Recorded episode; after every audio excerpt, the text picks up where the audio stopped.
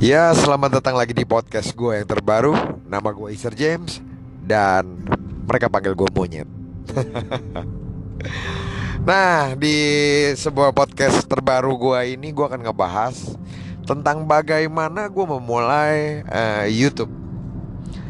Ini sebenarnya YouTube tuh bukan sesuatu yang gue bangga banggain banget ya. Maksudnya kayak apa ya? Ya udahlah gue gue buat gue gue ber, berkarya di platform bernama YouTube di mana gue bisa menampilkan sebuah konten yang ada audio dan visualnya lengkap gitu loh.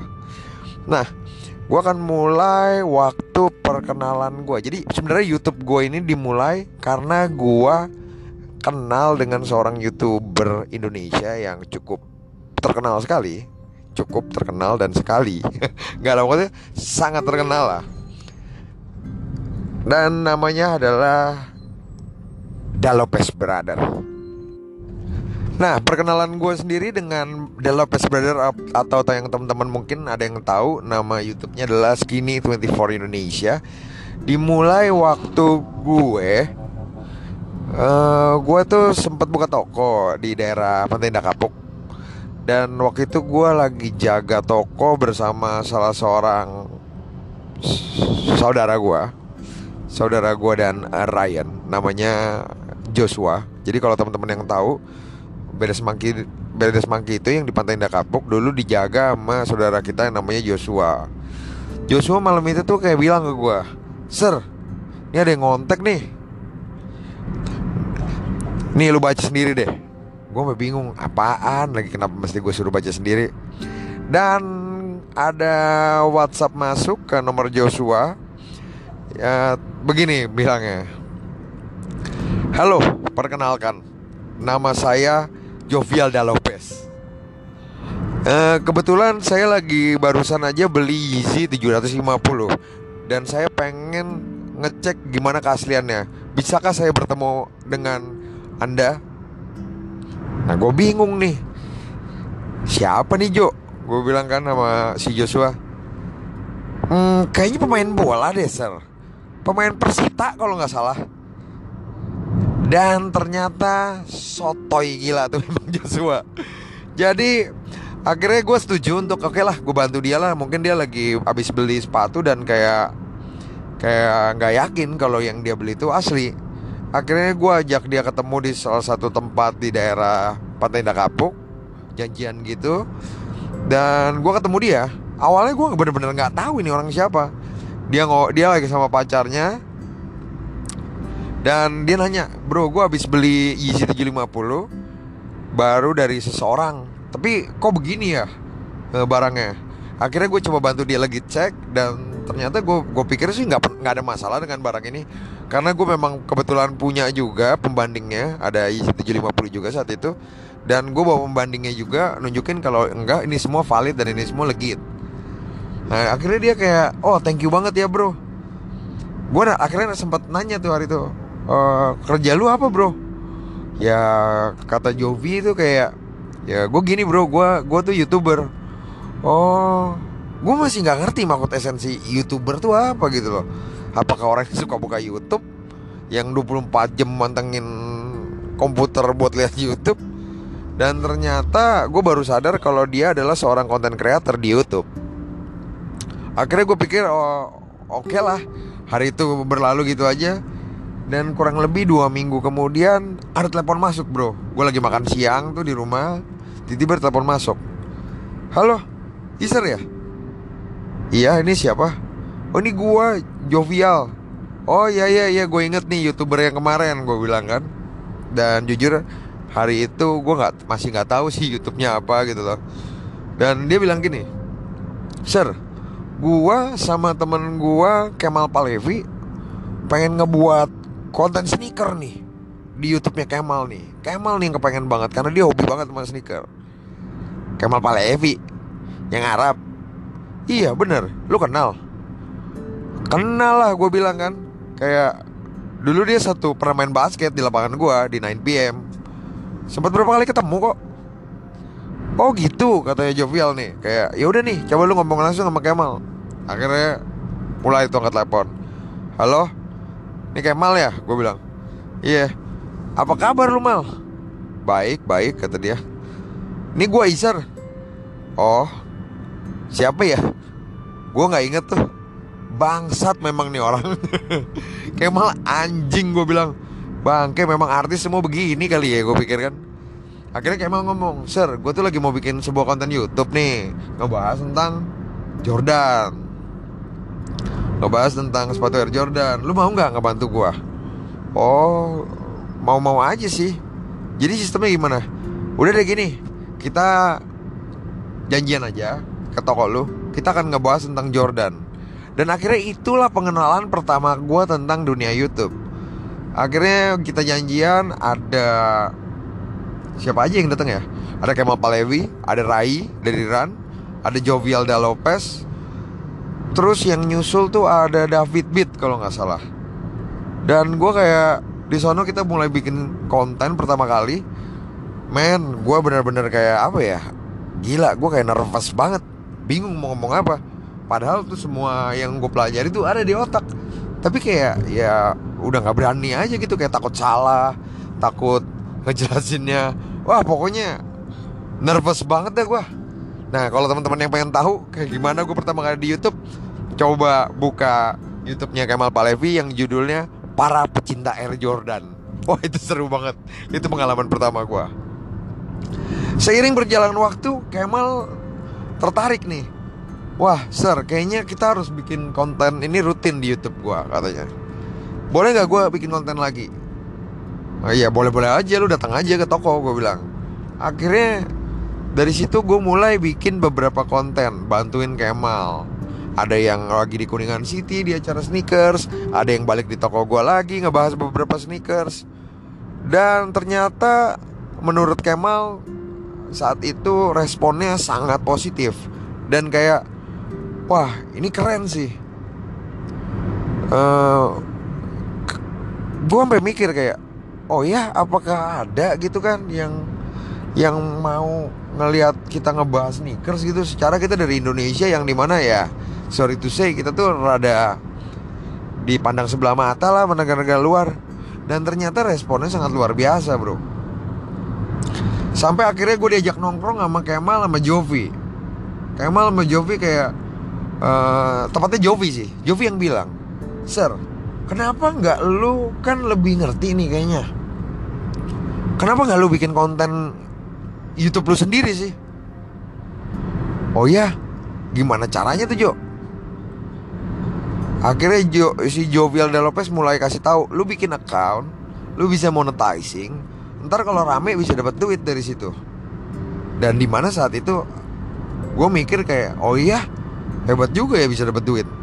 Biarpun gue kayak, ya ini cuma kayak have fun aja sih, kayak ya gue sih nggak terlalu mikirin duitnya. Tapi gue punya kendala besar dan gue bilang sama Jovial saat itu adalah Jo gue tuh orang yang nggak ngerti kamera banget Jo. Handphone aja gue kaptek. Gimana gue mesti bisa bikin video yang bagus? Nah saat itu ada Kemal yang ngebantu. Oh tenang sir kalau lu memang mau bikin video sendiri gue ada temen nih.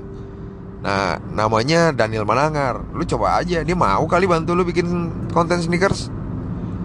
Akhirnya gue dapet videografer yang ternyata memang bener mau ngebantu gue nge-building YouTube biarpun bayarannya juga nggak murah sih.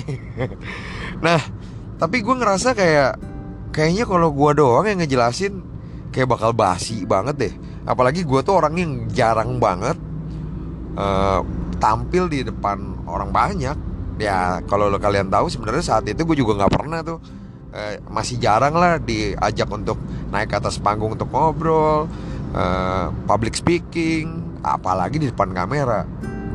Akhirnya gue coba berpikir kira-kira siapa ya yang akan gue ajak dengan pengetahuan yang luas. Gue berpikir dan akhirnya gue ketemu sama satu nama bro, dan itu adalah Teki. Nah jadi kalau teman-teman yang nggak tahu, uh, Teki ini adalah owner dari Instagram store yang biasa ngejual sepatu Air Jordan. Khusus tempatnya ini khusus Air Jordan semua. Uh, namanya Patrick Sanditeki nama Instagram jualannya 23 kicks. 23 kicks. 23 kicks iya enggak nah Teki ini bukan orang yang apa ya kita bilang bukan orang yang baru gue kenal sebenarnya. Teki itu tuh kayak idola masa muda gue jadi di saat SMA tuh Teki adalah pemain terbaik yang pernah ada sepanjang kejuaraan SMA sih menurut gue dia kayak idola gue anjir. Dan sekarang kita punya same passion di mana sama-sama suka sepatu dan di mana itu Air Jordan. Akhirnya gue coba ngubungin Teki saat itu. Gue coba jelasin Tek mau nggak bantuin gue kita bikin yuk sebuah YouTube channel tentang sneakers. Di mana kan lu suka Jordan. Mungkin lu akan bisa lebih mengerti tentang Jordan ya atau enggak kita tuh saling saling belajar bareng-bareng terus kita bisa share ke teman-teman. Dan mungkin kalau buat sepatu lainnya mungkin gue ada pengetahuan yang gue tahu mungkin kita bisa share juga ke teman-teman. Ya kita sama-sama belajar. Tapi balik lagi kita harus komit nih tag kalau kita ini memang gak cari duit kita have fun aja kita sharing aja. Dan akhirnya Teki minta waktu. Karena menurutnya kayak ah gue nggak pede nih sir. Kayak aduh gue malu gue takut dikira sotoy. Dan gue mulai coba meyakinkan Teki bahwa kita nggak perlu sotoy kalau kita nggak tahu ya kita bilang nggak tahu. Mungkin kita akan tanya-tanya sama sama audiens siapa tahu yang nonton nonton nama nonton konten kita malah bisa ngasih jawaban dari pertanyaan kita. Ya make sure aja kayak gue cuma kayak pikir kayak satu hal sih. Konten ini nih tag adalah wujud terima kasih kita. Kan kita selama ini kan jualan sneakers nih tag kita dapat uangnya.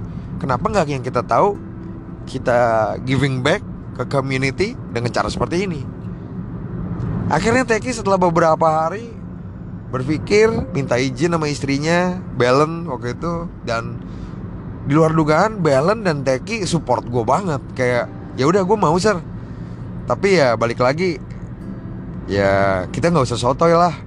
Kita belajar bareng-bareng kita sharing bareng-bareng dan ya bener sih kata lu sir ini giving back ke community dan gue setuju sih. Dan akhirnya gue lupa itu tahun berapa 2017 ya, akhir ya kalau nggak salah. Gue memulai konten pertama gue di YouTube bersama Teki. Dan saat itu ada seorang videografer namanya Daniel Manangar yang sempat bantu gue kita bikin sebuah review tentang Jordan Space Jam saat itu. Dan ternyata Dim Berada di depan kamera itu sangat susah Apalagi nggak ada direction. Nggak ada nggak ada apa lagi ya?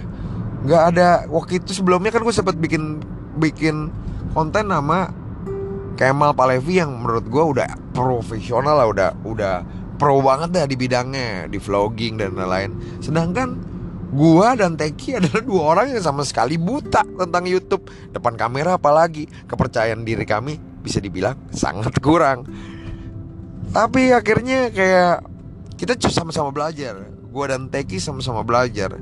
Konten demi konten kita laluin bersama-sama saling backup Kayak Ayo sir lu udah lumayan bagus nih. Ayo Tek Tek lu juga udah bisa nih Tek. Gak usah kaku. Uh, Kita jalan aja. Benar-benar kita sampai beberapa konten dan kalau lu lihat di YouTube kalian bisa lihat channel YouTube gue namanya Bedes 23 Monkey yang sampai sekarang masih sepi-sepi aja. Nah, tapi dilihat dari progres dari video pertama, kedua, ketiga, keempat, memang nggak bagus. Tapi at least kita belajar. Dan YouTube adalah memang benar-benar tempat kita belajar, belajar ngomong di depan kamera, belajar public speaking, belajar saling menghargai, saling sama tim belajar buat uh, on time, belajar buat mempersiapkan segalanya. Karena jangan salah sebelum kita membuat sebuah konten kita tuh belajar banget. Biasa kita tuh belajar bisa 3-4 hari saling tanya jawab dan nggak semudah yang gue pikir. Mungkin teman-teman pikir juga mudah membuat sebuah konten. Tapi enggak membuat konten yang benar yang baik itu sangat sulit. Dan kami merasakan kayak memang kami nggak nggak nggak proper saat itu. Tapi seiring berjalan waktu kami mulai membaik. Kata gue sih nih, kata gue kami mulai membaik, kami mulai enjoy, kami mulai udah nggak malu-malu lagi depan kamera. Dan ternyata dalam beberapa bulan YouTube kami ternyata punya audiens yang kalau buat gue sih itu cukup luar biasa. Karena waktu awal gue bikin YouTube tuh kayak gue ngerasa kayak ya udahlah tek. Mungkin kalau udah seribu dua ribu orang aja yang nonton tuh udah cukup banget udah ya at least kita udah nyampein apa yang kita mau sampein. Dan ternyata YouTube gue saat itu beberapa bulan itu bisa nyampe 5000 6000 subscriber. Gue kayak wow. Gue seneng banget saat itu. Seneng banget kayak wah ternyata kita di luar ekspektasi kita ada yang mau denger kita ada yang mau nonton kita. Wah terima kasih buat teman-teman semua yang ngikutin terus YouTube-nya sampai sekarang ini tapi seiring berjalan waktu seiring berjalan waktu subscriber nambah dengan pelan-pelan ya. 10 ribu 15 ribu. Kami mulai kehilangan arah. Karena apa? Karena kami mulai lihat kiri dan kanan. Kayak kita lihat youtuber di Amerika subscribernya satu juta orang. Youtuber di Indonesia ada yang puluhan ribu orang. Puluh subscriber uh, youtuber sneaker di tempat lain. Wah ternyata kita tuh jauh dari ekspektasi. Kita tuh nggak punya audiens yang tetap. Dan kita tuh marketnya kecil banget. Gue mulai belajar cari traffic di YouTube. Mulai terobsesi dengan wah ternyata kita harus bikin ini ini loh caranya buat bikin konten YouTube tuh rame. Ini loh caranya buat kita harus pakai ini loh clickbait judulnya. Kita harus uh, bikin hal-hal yang disukai sama anak remaja. Dan gue melakukan hal itu. Sampai di satu titik akhirnya gue ngerasa juga benar-benar kehilangan arah. Gue langsung telepon malam hari itu karena benar-benar ngeganggu pikiran gue gue bilang sama Teki Tek sorry karena waktu gue memulainya gue ngajak lo untuk sharing dan sekarang gue mulai terobsesi. Gue mulai ngerasain kalau gue jadi alay. Gue jadi alay karena YouTube. Karena fake-nya adalah Segala konten yang rame di Indonesia Mostly kebanyakan adalah konten-konten yang sampah. Prank Prank tipuan uh, Orang-orang yang cukup alay Yang Ya banyak hal yang menurut gue kayak Ternyata kita Di luar Di luar Track kita nih kita awalnya setuju untuk ngebangun sebuah konten yang bagus supaya bisa bermanfaat buat komuniti kita. Tapi yang terjadi adalah apa? Adalah akhirnya kita ngebahas kayak kayak gue sih ya, gue ngerasa kayak ngebahas Supreme yang puluhan juta, ngebahas hal-hal yang lagi ngetren, di mana itu bukan satu hal yang gue dan Teki suka. Dari situ gue akhirnya ngambil keputusan Tek, gue minta maaf atas apa yang gue gue lakukan nih, karena ini ngebuat YouTube kita jadi sampah. Akhirnya gue mulai bilang kayak oke okay, sorry kayaknya gue akan balik ke komitmen awal kita di mana kita nggak usah pikirin audiensnya kita udah komit apa pun yang terjadi ada yang denger nggak ada yang denger ada nonton nggak ada yang nonton kita akan buat konten. So dari situ gue mulai berpikir kayak fuck lah bodoh amat. Yang penting adalah gue coba balik di mana akhirnya gue mulai ngebahas apa yang gue suka. Dari situ gue mulai berpikir kalau memang yang kita suka belum tentu disukai orang lain dan itu wajar nggak masalah nggak perlu untuk punya audiens banyak untuk untuk mengejar apa pun. Karena memang kita nggak ngejar apa pun sih. Dari situ gue mulai berpikir oh ternyata kita tuh punya audiens uh, bertahap tuh. Kira-kira udah ada 20 ribu subscriber. Udah mulai ada yang nonton bisa sampai 30 ribu orang 40 ribu orang. Gue mikir Kita tuh mau giving back Tapi apa esensinya kalau kita ngebahas cuma sneaker doang? Apa pentingnya sneaker buat orang lain yang gak mengerti? Akhirnya gue mulai berpikir sebuah konten adalah lokal vokal. Di mana gue pikir oh gue ini orang biasa. Gue ini anak bocah biasa dari Jakarta Barat. Yang membuat sesuatu di industri kreatif Indonesia. Dan tanpa disadari gue punya temen-temen di lingkungan gue yang menurut gue mereka buat sesuatu juga tanpa tanpa hidup kantoran ada Iwan dan Gilbert dari Senloko ada Upi Tuan 13 ada Emil dari yang uh, kalau teman-teman tahu yang punya toko Kicks Kemang. Banyak banget teman-teman gue dan gue rasa kenapa gue nggak mulai dari lingkungan gue dulu nih? Gue kan nggak bahas lokal vokal tentang orang-orang di lingkungan mereka sendiri yang gak kerja kantoran tapi masih bisa tetap hidup dan menginfluence orang lain. Gue mulai coba cari esensi oh ya itu balik lagi. Gue mulai menyadari bahwa kalau lu mau dipanggil influencer kalau lu mau jadi seorang yang uh, dihargain lu mau jadi seorang yang berarti buat lingkungan lu ya lu harus menginfluence arah yang positif. So gue mulai coba hubungi Upi tuan 13 tuh Pi bantuin gue dong. Gue tahu betapa berat lu memulai karir rap lu. Dan lu bisa hidup sampai sekarang ini dan gue salut sama lu. Gue pengen bikin video sama lu. Gue coba hubungin Gilbert Senloko kayak Bet lu sama Iwan kan udah dari dulu juga bikin band Dan lu sampai bisa dikenal sama orang. Gue pengen bikin konten sama lu. Gue mulai cari orang-orang yang bisa menginfluence orang lain dengan positif. Dan sampai detik ini gue akhirnya bisa bilang gue cukup bangga dengan apa yang gue lakukan. Karena apa? Karena YouTube gue nggak rame dan YouTube gue nggak terkenal dan YouTube gue nggak semahal yang lainnya pakaian-pakaiannya ataupun apa pun yang dibahas dan gue masih bisa berpikir dengan jernih bahwa gue harus bisa buat konten yang berguna buat para penontonnya.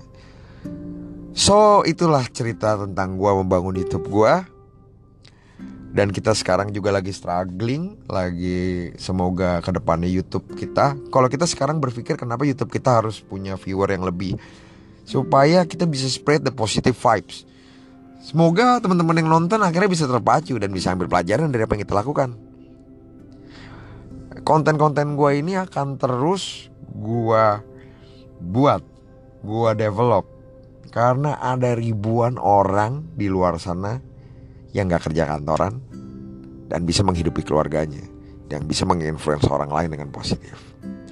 Dan gitu aja cerita tentang gua dan YouTube gua. Thank you buat yang dengerin 20 sekitar 23 menit hari ini. And see you di next podcast kali ya.